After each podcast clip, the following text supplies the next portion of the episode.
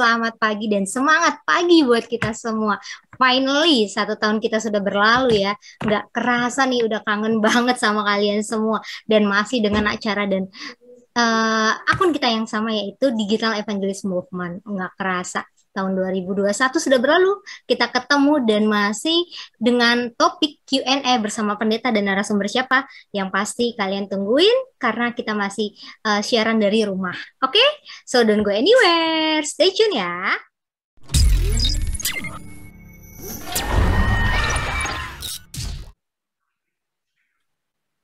Ketemu lagi bersama saya Vina di acara Digital Evangelist Movement. Oke nih, udah tahun 2022. Kalian masih pada belum subscribe? Masih pada belum follow? Waduh, please. Ini adalah mo apa momen yang paling kalian tunggu-tunggu. Kita bisa sharing, kita berbagi ilmu dan berbagi pengalaman. Kali ini saya spesial banget di awal tahun. Saya akan Q&A bersama salah satu pendeta dia ini ada di daerah Jawa kawasan tengah. Semoga saya nggak salah ya. Uh, beliau ini mempunyai istri dan juga mempunyai anak. Dan nanti ada yang menarik di sini saya mau highlight. Bagaimana sih pengalaman-pengalaman beliau karena sudah lumayan puluhan tahun ya. Jadi saya kepo nih saat ini beliau sudah uh, lagi ya sedang sedang sedang mengembalai dua gereja sekaligus tuh. Jadi luar biasa banget nanti kita panggil. So don't go anywhere.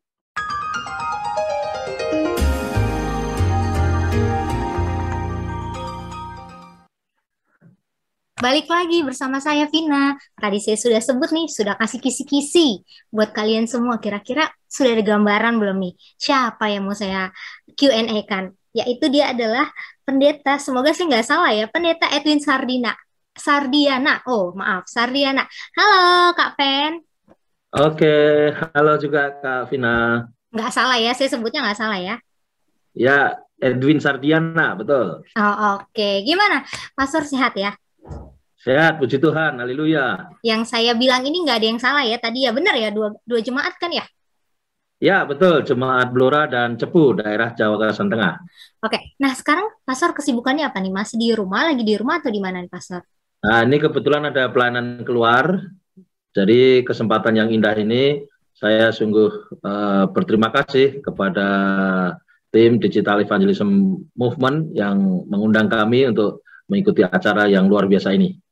Oke, semoga Pastor di sana tetap stay safe ya. Nah, Pastor, uh, kita langsung nih aja nih. Banyak banget antusias yang udah ada, udah masuk nih pertanyaannya. Ini pertanyaan pembuka yang selalu ada di uh, channel kita masing-masing. Nih, Pastor, kepikiran nggak kalau Pastor itu jadi pendeta? Artinya, Pastor memang bercita-cita jadi pendeta atau karena terpaksa atau karena apa nih, Pastor? Boleh, boleh? Ya, baik. Terima kasih, Kak Vina. Uh, tentunya di dalam kehidupan setiap orang memiliki cita-cita yang baik, yang sesuai dengan harapan, itu menjadi bagian kita semua.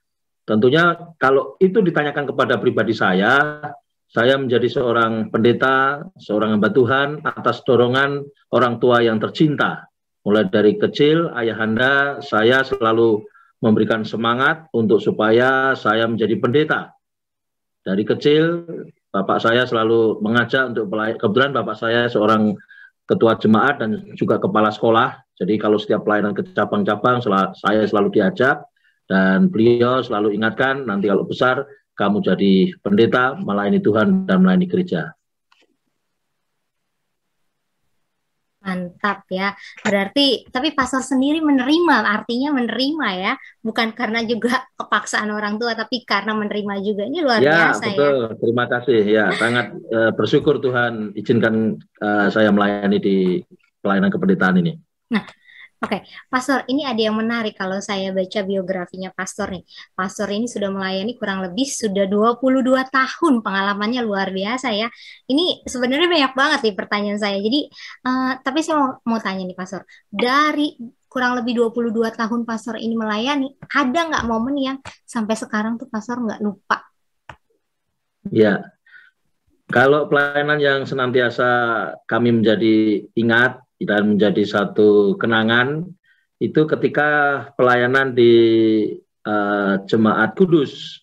Jemaat ini mulanya hanya cabang Selasabat, lalu kami bersama dengan jemaat untuk mendirikan bersama-sama gereja ini, walaupun mendapat tantangan, bahkan ancaman nyawa, dan gereja kita mau dibakar, namun puji Tuhan untuk yang ketiga kalinya akhirnya lolos, dan puji Tuhan, gereja ini akhirnya berdiri sampai hari ini. Gereja Master Jemaat ke-7, Jemaat Kudus, daerah Jagasan Tengah. Inilah kenang-kenangan yang tak terlupakan kalau di dalam uh, pelayanan sebagai pendeta, yakni mendirikan gereja di Kota Kudus menarik ya. Tantangannya luar biasa sampai harus terancam dibakar dan puji Tuhan nggak dibakar. Ih, ini yeah. menarik. Nah, pastor nih ada yang tadi karena uh, pastor sudah bilang waktu pengalaman di Kudus artinya kalau saya lihat dari historinya nih pastor pertama kali di Surabaya. Nah, sampai yeah. sekarang pun di Blora dan Cepu. Ini kenapa harus di Jawa gitu? Pastor memilih sendiri, dipilihkan atau memang nggak berani nih Jadi?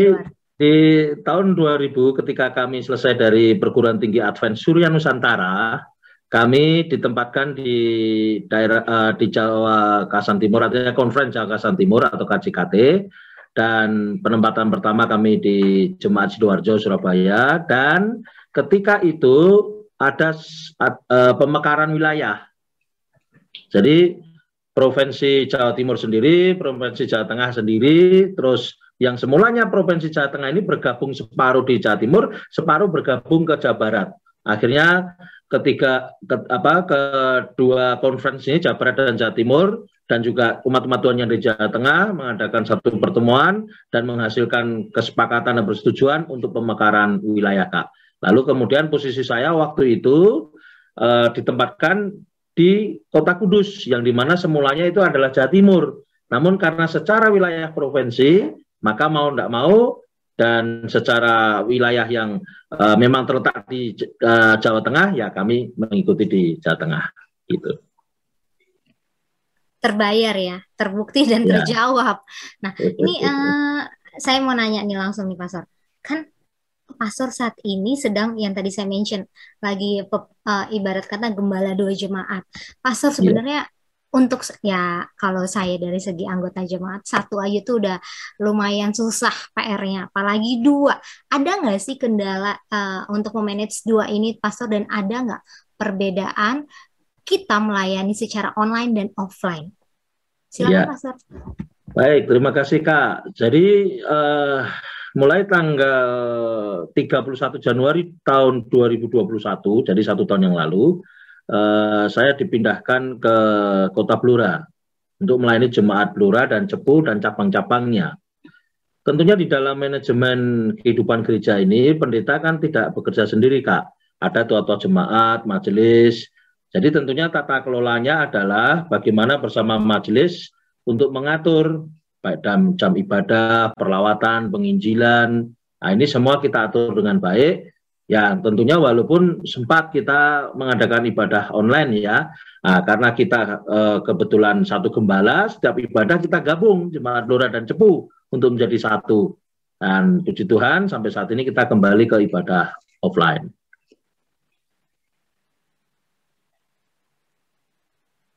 Ya, semakin menarik ya. Tapi uh, ada nih satu yang saya sampai sekarang bertanya-tanya nih ya pastor ya. Sebenarnya apa sih kelebihan bukan kelebihan ya uh, tantangan tersendiri untuk melayani di daerah Jawa? Ya baik. Kebetulan sorry pastor saya ulangi. Mungkin ini karena ya. tadi uh, saya kemute.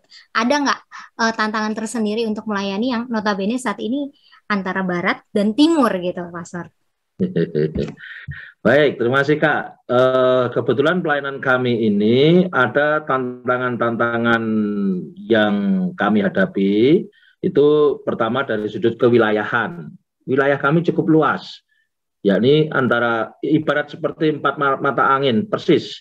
Jadi kalau Blora itu di sebelah barat, Cepu itu di sebelah timur, lalu kami mengembangkan pelayanan ke sebuah kota Rembang yang belum ada adventnya, tapi ada satu keluarga yang pindahan dari kota Solo yang pindah di situ, kita ajak bekerja sama.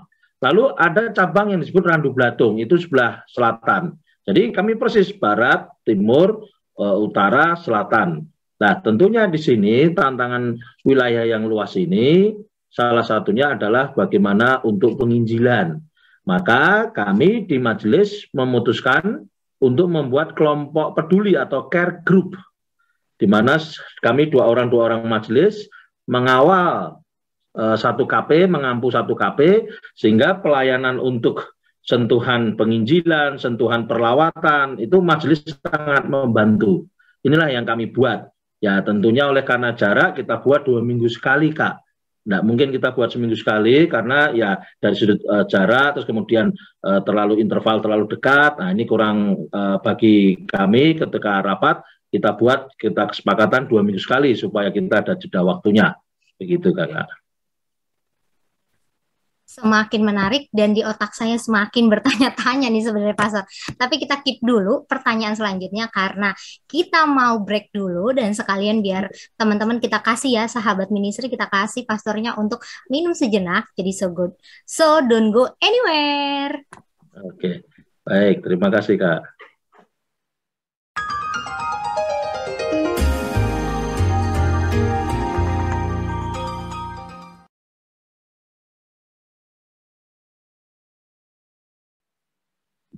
Welcome back di Digital Evangelist Movement. Masih dengan saya Vina dan masih the one and only pendeta dan narasumber kita yaitu pendeta Edwin Sardiana. Nah, Pastor tadi kita sudah mengulik seputar-seputar uh, pengalaman Pastor nih di, di daerah Jawa, di daerah biografinya Pastor. Saya mau lebih agak sedikit deep ya kalau istilah bahasa anak zaman tak now itu deep. Nah, Pastor, ini kan tadi yang saya bilang Pastor sudah melayani dari tahun 2000 naik turun pun pasti ada gitu kan nggak selamanya itu mulus tadi yang sudah dibilang yang uh, pengalaman untuk gereja dibakar uh, hampir dibakar sorry hampir dibakar hmm. membuat hambatannya ada care group apa sih yang membuat pastor itu bisa uh, ibarat kata ada nggak sih yang bisa dibagiin ke teman-teman khususnya anak muda zaman sekarang nih apalagi yang sekarang masih mungkin ibadahnya via yeah. online untuk bisa lebih semangat terbakar lagi gitu pastor. Yeah. Baik. Oke. Jadi dalam kehidupan gereja ini kita sebagai anak-anak Tuhan, sebagai anggota gereja masa hari ketujuh, harus belajar dan berusaha untuk terus bertumbuh di dalam enam hal. Ya. Yang pertama adalah suka belajar Alkitab. Karena kita sebagai anak Tuhan untuk mengerti kehendak Tuhan, untuk mengerti pengetahuan dan doktrin-doktrin Alkitab, dan untuk membagikan kesaksian secara knowledge, ini kan perlu Alkitab. Lalu yang kedua, kita sebagai anak-anak Tuhan harus suka berdoa. Saya memiliki kebiasaan berdoa tengah malam. Lalu memiliki kebiasaan meditasi jam 5. Itu saya sudah buat buat alarm. Itu menjadi satu kekuatan spiritual yang yang yang yang kalau tidak saya lakukan itu seperti kosong dalam perjalanan hidup setiap harinya. Lalu yang ketiga, fellowship. Jadi kita harus suka fellowship. Oke, sekarang mungkin karena situasi Covid ya, fellowship tetap dibuat melalui melalui online begini, Ya, kami uh, seperti yang saya sampaikan, kami KP online pun juga kami lakukan. Dan bahkan puji Tuhan dalam 10 bulan kami memiliki 14 KPA dan 14 jiwa yang kami persembahkan untuk Tuhan. Lalu yang keempat adalah uh, apa uh, suka menginjil. Jadi kita sebagai anak Tuhan itu harus suka belajar Alkitab, lalu kemudian suka berdoa, lalu fellowship, lalu kemudian suka menginjil. Menginjil ini diiringi dengan pelayanan masyarakat, pelmas. Lalu yang keenam, reclaim, mengembalikan anggota-anggota yang pasif. Nah, di sini biasanya kalau kita menguasai atau mencintai enam perkara ini, pertumbuhan rohani itu akan mengikuti. Bahkan hasil-hasil itu e, bisa di depan mata itu akan bisa menjadi bagian kita. Contoh, kami me, e, men, menjangkau sebuah suku terpencil yang dianggap kecil, itu namanya suku Samin. Nah, mungkin nanti kalau ditanya lebih apa eh, detail silahkan. Itu kami ya melalui pelayanan masyarakat sehingga kita bisa dekat. Nah, jadi inilah tips yang selalu saya sampaikan di jemaat enam hal ini, Kak. Suka membaca Alkitab, suka berdoa, lalu kemudian fellowship, lalu yang keempat menginjil, lalu pelayanan masyarakat supaya kita dikenal murah hati dan baik. Karena kalau kita hanya menginjil tak tapi tidak punya roh pelayanan masyarakat ya repot. Lalu yang keenam adalah reclaim, mengembalikan anggota-anggota yang pasif, baik orang-orang muda maupun orang-orang yang sudah uh, senior di dalam jemaat.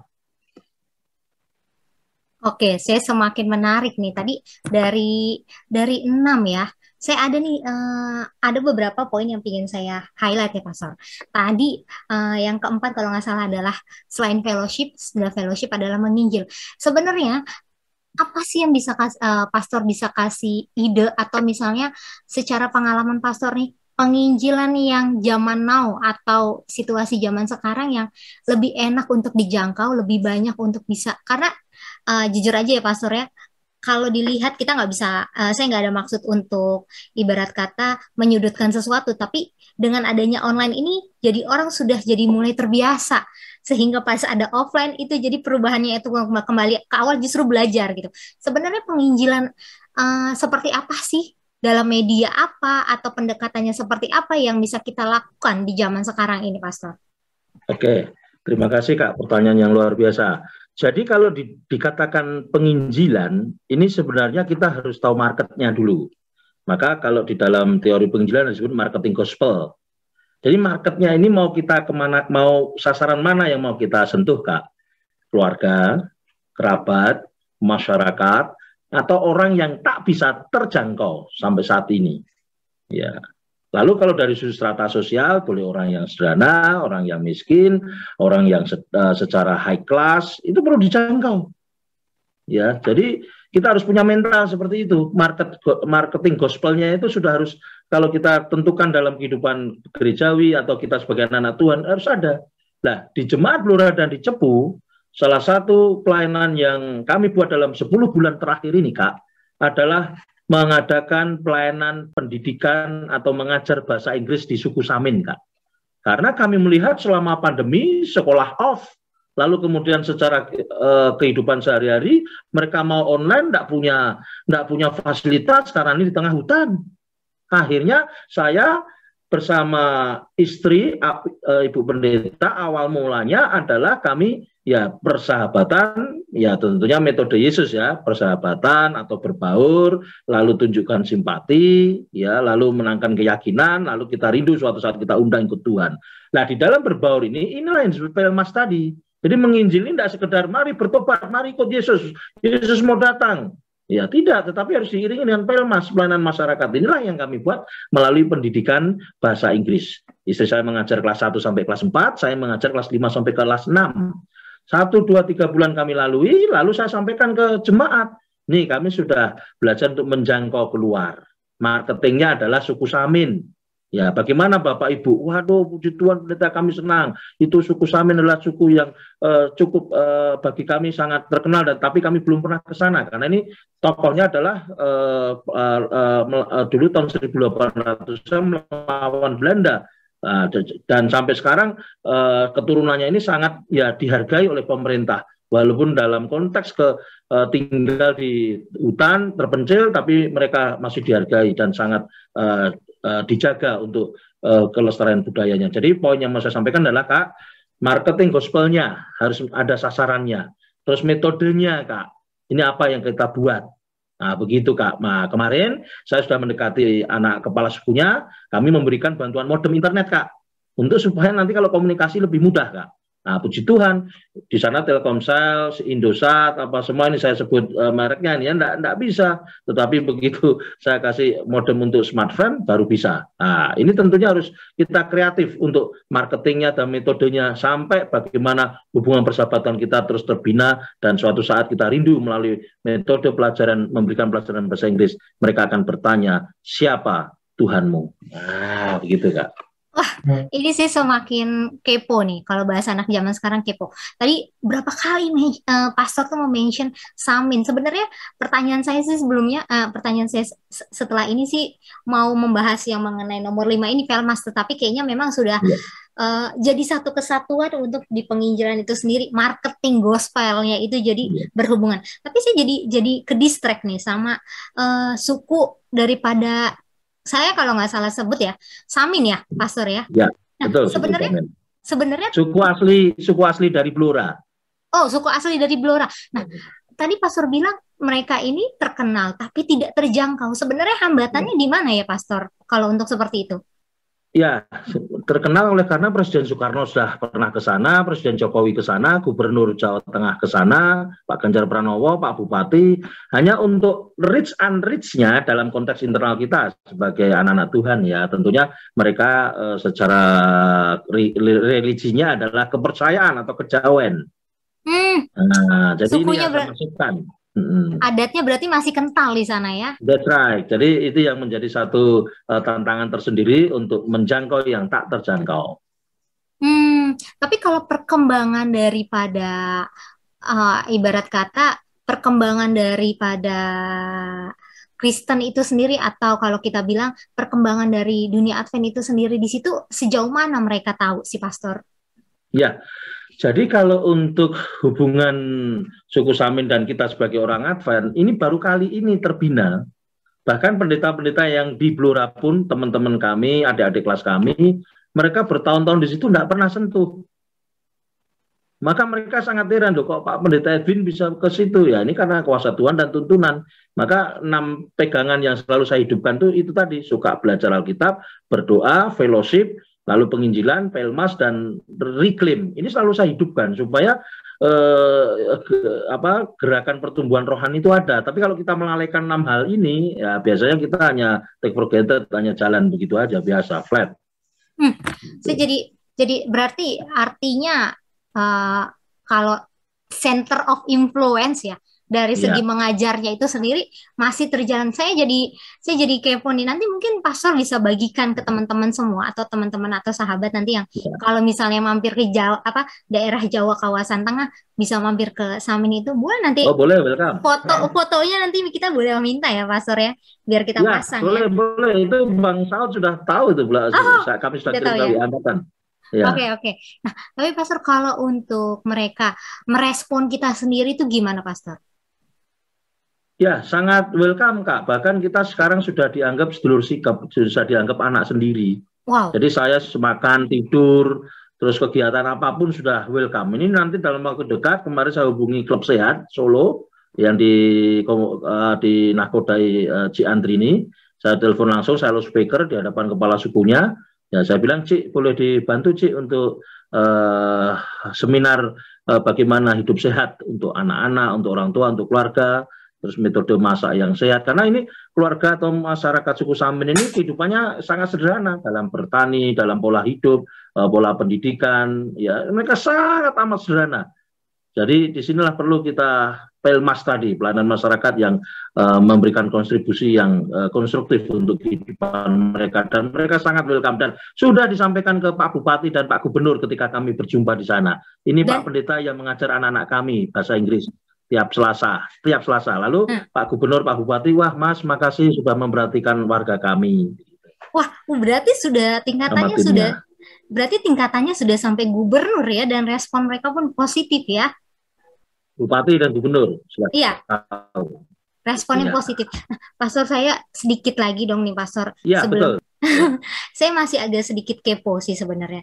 Tadi uh, kan Pastor sudah bilang ada market uh, gospel artinya sudah hmm. kita bisa tahu nih sasarannya siapa apa segala hmm. macam tapi ini Pak Pastor sebenarnya apa sih kadang kalau anak-anak zaman now ini saya mewakili repres repres apa hmm. mewakili anak-anak muda aja ah nanti dulu deh saya mau menginjil nanti dulu mau pelayan masyarakat saya nggak punya duit saya hmm. waktunya belum bisa itu gimana tuh ngatasin kayak okay. begitu tuh pastor jadi puji Tuhan kak ketika satu dua tiga bulan kami memberikan teladan saya bawa ke majelis, langsung ketua PA-nya, Saudara Aglos, langsung orang-orang mudanya, eh, Saudari Caca, Aulia, lalu kemudian orang muda kami eh, Mas Felix, itu mereka dengan senang hati untuk bergabung untuk memberikan pengajaran untuk bahasa Inggris. Lalu kami bentuk resmi komite penginjilan yang di backup dua gereja. Jadi orang-orang muda itu kami libatkan kak Sampai detik ini, sampai selasa terakhir kemarin pun masih mengajar. Hujan deras pun kami tetap jalan. Karena mereka sangat antusias. Nah, nanti foto-fotonya boleh saya share ke kakak. Berarti antusias daripada tim sukarelawannya juga luar ya. biasa ya. ya. Dan itu perlu keteladanan dulu, Kak. Betul. Jadi kalau nggak ada keteladanan mungkin sinyal nggak akan penuh. tapi tapi saya jadi kepo nih untuk uh, tim pengajar sendiri atau relawan itu sendiri ya. ada kriteria khusus nggak nih di sana pastor atau uh, memang atau memang kebetulan ada, gini kak. Ya. Hmm, sorry saya apa? Ya, jadi hmm, untuk tim kami kami di dalam memberikan pelajaran itu hanya sifatnya elementary, terus buku dan juga bahan-bahan kami siapkan, lalu kami bagi. Jadi kakak-kakak kamu untuk uh, untuk minggu depan pelajaran sekian, terus Bu Pendeta pelajaran sekian. Nah, jadi itu antara kelas 1 sampai kelas 4, kelas 5, kelas 6 tentunya berbeda. Nah, tapi untuk bahan-bahan apa semua kita sudah siapkan dan itu dipelajari eh, kalau pelajaran e, nanti minggu depan umpama pelajaran kedua ya harus dipelajari sekarang. Minggu depan lagi pelajaran ketiga harus dipelajari sekarang. Begitu, Kak. Ini semakin menarik ya, Pastor ya. Saya jadi banyak banyak sekali ya media dan ide-ide. Tadi awalnya dari mengajar bahasa. Inggris dulu yang dua minggu ya. sekali bertambah kepada Seminggu sekali Oh sorry, sekali. seminggu sekali, terus bertambah hmm. lagi dengan seminar hmm. kesehatan. Nanti kita tunggu ya, apa-apa ya. lagi nih market gospelnya di di sana nih. Nih, nah, Pastor, ya, saya senang banget nih. Siapa tahu nanti ada anak-anak dari Blora yang mungkin tergerak atau dari Cepu yang belum bergabung, pingin tergerak, bisa ya, Pastor ya untuk ikut ya, bekerja ya. sama di sana. Nah, uh, itu itu sedikit mengenai Samin nih. Eh, sa ya Samin ya, Samin nanti foto-fotonya hmm. kita akan share. Nah, saya mau sedikit lebih ke pengalaman lagi nih, back to pengalaman. Ya, Sebenarnya Pastor, uh, kalau untuk tadi kita sudah berbicara mengenai hambatan dalam situasi hmm. pandemi hmm. begini. Tapi kalau sebenarnya Pastor, kalau untuk jangkauan atau kalau bahasa sekarang tadi ada Pastor sebut reclaiming Nih ini hmm. masih belum familiar nih sama anak muda. Ah. Itu iya, jadi reclaiming seperti apa sih yang sebenarnya mau di yang dimaksudkan di sini Pastor? Oke Kak, reclaim ini artinya kan mengembalikan yang pasif. Nah, biasanya saya minta data ke sekretaris, baik orang muda atau orang tua atau anggota yang sudah minimal 2-3 tahun tidak ke gereja, apakah ada? Oh ada pendeta, kalau kita ada, kita minta umpama 10 orang. Nah, 10 orang ini harus menjadi target. Dalam satu dua tiga bulan kita harus personal approach, kita melawat, terus kita ada ajak kegiatan-kegiatan yang sederhana, nah, lalu kemudian kita ajak kembali untuk ikut KP, lalu setelah welcome, akhirnya kita kembali ajak ke gereja. Dan ini sangat terbukti dan uh, sangat bermanfaat untuk kehidupan spiritual pribadi anggota itu dan juga pertumbuhan gereja. Akhirnya e, nilai fungsi gereja itu dipulihkan bahwa anggota-anggota yang pasif itu ditarik kembali untuk bergabung di gereja kita. Menarik. Tapi pastor sebelum kita break lagi nih, mau dong kasih jadi dari dari sekian step ada enam step kalau kurang lebih saya berani yeah. mention lagi tadi berdoa membaca Alkitab fellowship, ya. terus juga ada penginjilan, ada ya. juga pelmas ya. dan reclaiming ya. Saya sampai hafal itu. Nah, kan pada saat menjalani itu semua bahkan dari step awal untuk membaca Alkitab aja kita tuh suka lebih mendengarkan nanti dulu lah ngantuk atau gimana gitu. Ibarat kata itu banyak aja hambatannya. Gimana kita bisa menghadapi seperti itu tuh Pastor? Boleh kasih tips sedikit mungkin? Baik. Jadi kalau eh, dalam kehidupan spiritual ini kak soal hambatan tantangan yang kita hadapi terlebih untuk pribadi kita atau untuk kelompok kita itu biasa selalu ada itu jelas. Lah tentunya kalau bagi saya untuk soal membaca Alkitab yang sederhana adalah bagi saya membaca kitab Amsal Soleman ya itu kan 31 pasal. Itu saya buat untuk 31 hari per tanggal. Jadi kalau hari ini Minggu 23 uh, Januari saya tadi membaca pasal 23. Kemarin uh, hari Sabat tanggal 22 saya membaca Pak Amsal 22. Besok uh, sen, uh, Senin tanggal 24 saya membaca uh, kitab Amsal pasal 24. Nah, itu salah satu mengatasi untuk supaya uh, kita tetap mencintai Alkitab. Lalu untuk berdoa ini harus menjadi satu kebiasaan. Ya, ya harus dipaksa, tidak bisa enggak. Jadi kalau doa keluarga, doa uh, gereja itu sudah biasa, tapi doa secara pribadi dengan Tuhan, karena dari situ kita ada kekuatan kan. Kalau nggak ada itu uh, saya pribadi merasa hampa, empty. Nah begitu kan. Jadi memang harus ya harus bagaimana kreasi kita kak itu itu yang saya maksud uh, kreasi kita untuk menyikapi itu harus betul-betul ya yang sederhana tapi bisa kita uh, jalankan tiap hari ya jangan sampai dua hari baca tiga hari enggak. Jangan harus tiap hari kak. Tidak bisa enggak. Ini kekuatan rohani kita kak masalahnya kak ini ini ini saya belum hmm. pernah dapetin ya berarti kalau yang saya dapat artinya mentalnya nggak hanya secara fisik ya, tapi secara otak nih. Gimana caranya untuk bisa konsisten, ah. untuk bisa yeah. Iya. uh, untuk bisa kreatif tadi dibahas, untuk bisa lebih putar oh. otak lagi kreatif. Nah, yeah. Iya. uh, oke okay, kita mau break dulu nih Pastor karena ada iya. satu yeah. hal yang mau saya mention lagi dari pengalaman Pastor karena memang terbukti ya pengalaman ya. itu adalah pelajaran yang paling berharga yang nggak bisa dibayar. Jadi so don't go anywhere anak-anak muda, tetap stay tune di Digital Evangelism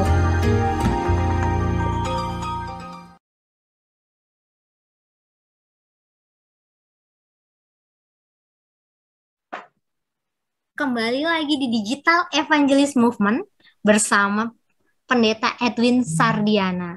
Oke, Pastor. Ini tadi yang kita sudah berbicara mengenai uh, kehidupan pastor dan juga pelayanan pastor di seputar Cep, uh, Cepu dan Jemaat Samin sendiri. Nah, tapi di sini saya ada sedikit terdistract nih bahwa pastor pernah jadi direktur penerbitan kalau nggak salah betul pastor? Oh iya. Ah, ya. Ya, nah, tahun 2012 ya. Ya, 2012. Nah, ada nggak sih pastor? Pasti ada lah ya perbedaan hmm, perbedaan dari segi ibarat kata untuk melayani sebagai direktur dan sebagai gembala itu sendiri.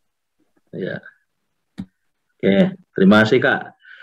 Uh, kalau pelayanan di organisasi ini, ketika kita berada di posisi uh, kepercayaan oleh jemaat di kantor atau melayani sebagai administrator, itu tentunya memiliki tanggung jawab yang lebih luas. Jadi dulu kalau kita kalau gembala megang hanya satu dua jemaat, tapi kalau yang namanya direktur, ini pemahaman yang dan komitmen yang saya pegang, kita kebetulan dari Jakarta ini memiliki 38 gereja, Kak. Nah, kita sebagai direktur, ya tentunya kita memiliki tanggung jawab lebih luas agar program-program organisasi ini bisa diterima atau bisa eh, diresap ya diserap maksud saya diserap oleh 38 gereja ini. Jadi maka kalau direktur itu secara memegang administrasinya dan mengkomunikasikan ini loh program penerbitan sepanjang tahun ini ini tolong dibantu dong ini para penginjil literatur. Ayo siapa yang rindu untuk bergabung dalam pelayanan literatur? Ayo tua-tua jemaat, ayo bapak-bapak gembala kita menginjil melalui pelayanan literatur. Nah itu secara uh, jabatan administrasinya.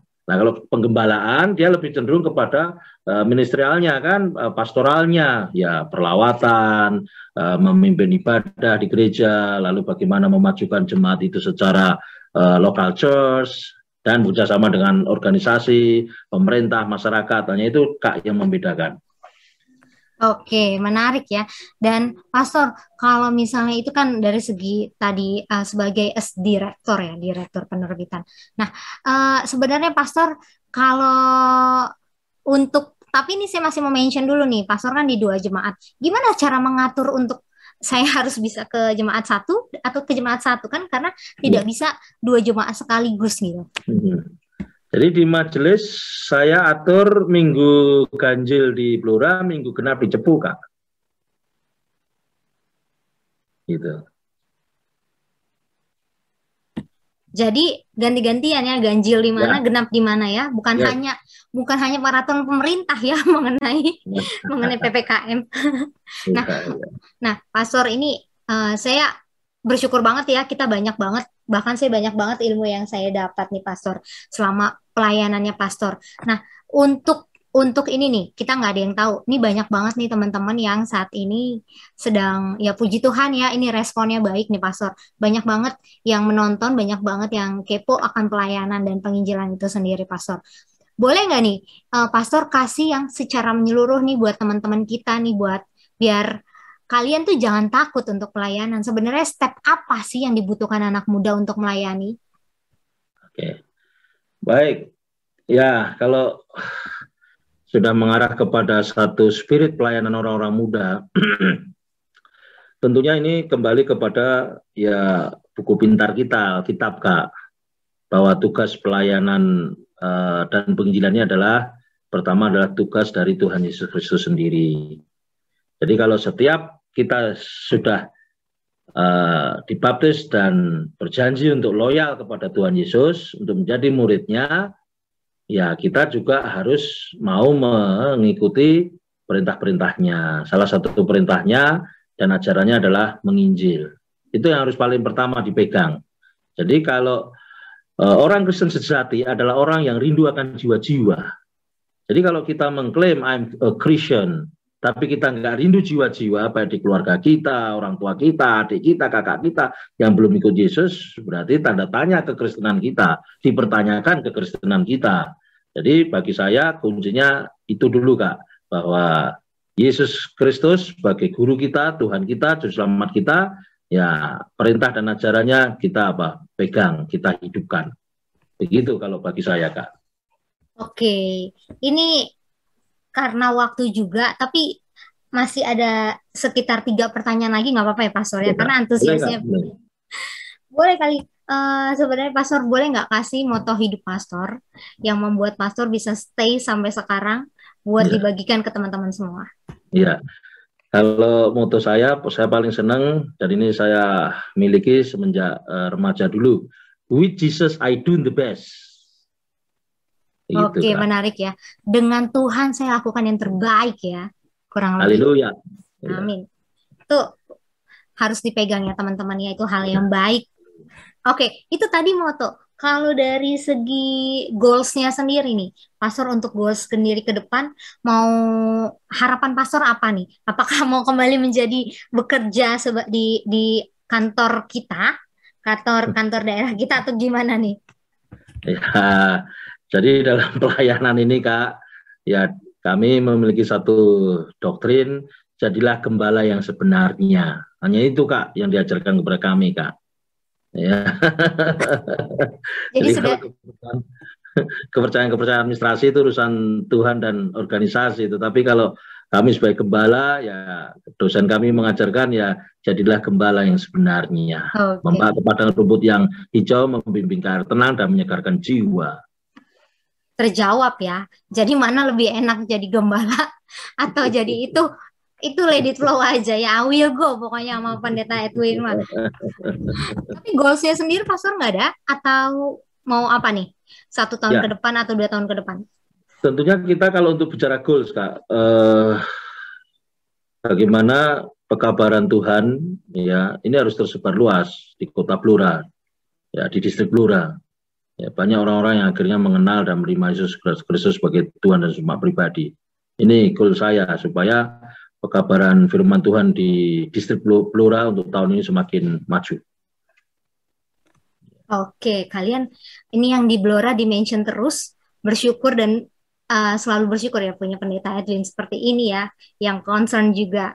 Nah, ini the last question nih, last but not least ya. Semoga sebenarnya uh, not itu karena kita mungkin nantinya kita bisa ketemu di online atau di chapter berikutnya nih. Nah, Pastor mau dong kasih closing statement buat anak-anak muda ini semangatnya terus berapi-api dalam mencari Tuhan.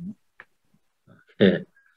Baik, uh, kepada orang-orang muda yang saya kasihi, yang kami banggakan, tentunya kita sebagai orang-orang muda di dalam kehidupan spiritual kita, pertama, kalau dalam kehidupan keluarga, jadilah orang-orang muda yang membanggakan orang tua. Lalu dalam teologi membanggakan Tuhan. Lalu dalam kehidupan gerejawi menjadi tiang-tiang gereja yang luar biasa dan hebat. Lalu dalam tengah-tengah masyarakat jadilah terang dan garam bagi mereka. Simpel ya, dan itu sudah terbukti dari pengalaman hidup nurut sama orang tua. Yes, jadi garam dan terang? Yes. Ada enam tadi ya sudah disebutkan. Waduh, well, thank you banget nih Pastor. Saya udah banyak banget ilmu dari reclaiming, terus juga with God I do my best, itu seperti moto adventurer juga ya. Ini ini hmm. banyak banget dan satu yang saya hmm. dapat dari pastor ini, pastor menjawabnya tenang sekali dan tetap dengan senyuman. Wah, itu luar biasa ya sahabat-sahabat ministry ya. Oke nih pastor, sorry banget karena waktu ya, kita terbatas karena waktu kita terbatas tapi puji ya, Tuhan ya kita tetap bisa ketemu sama pastor walaupun dari Haleluya. rumah aja. Semoga pastor Amin. dan keluarga stay safe, tetap semangat dan tetap Amin. Amin. Tetap bisa melayani di Blora dan salam. Haleluya. Kakak kalau ke Jawa mampir tempat kami, Siap. nginep di rumah kami ya. Oke, mantap. Sudah ada undangan. Salam juga buat penduduk yang ada di Blora, di Oke. atau di daerah Jawa kawasan kawasan tengah ya tadi ya, kawasan tengah. Ya, daerah kawasan tengah. Ya, ya dan juga dengan uh, penduduk Samin tadi ya. Suku Samin, ya, sorry, suku Samin. Ya, ya. Oke, Pastor, terima kasih. Ya. Terima kasih, Kak. Oke, sampai jumpa. Iya. Nah, sahabat ministry, sahabat ministry kita sudah di penghujung akhir Q&A kita. Tadi sudah dengan narasumber yang luar biasa pengalamannya sudah tidak diragukan dari direktur penerbitan dan juga pengalaman secara pribadi bahkan secara uh, gereja ya luar biasa. Jadi semoga apa yang baik menurut kalian itu bisa kalian ambil, kalian bagikan, semoga itu bisa menyebar ke sekitar kita. Tetapi apa yang menurut kalian ada salah-salah perkataan kami atau tindak tingkah laku kami dari selama wawancara ini, semoga itu kalian buang ya. Semoga kalian buang dan kalian simpan dalam hati kalian masing-masing. Jadi akhir kata tetap semangat dan buat pendeta-pendeta muda yang di luar sana, jangan jangan kalian tolak undangan dari kami. Jadi tunggu aja undangan dari kami. Jangan pernah menolak, mau menginjil, with God I do my best, so don't go anywhere.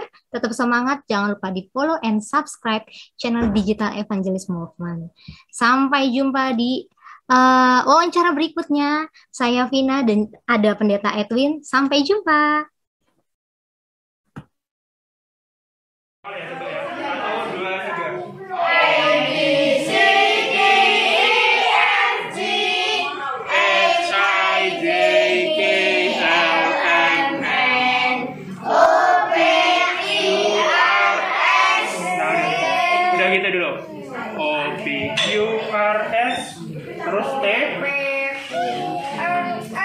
Tahu nggak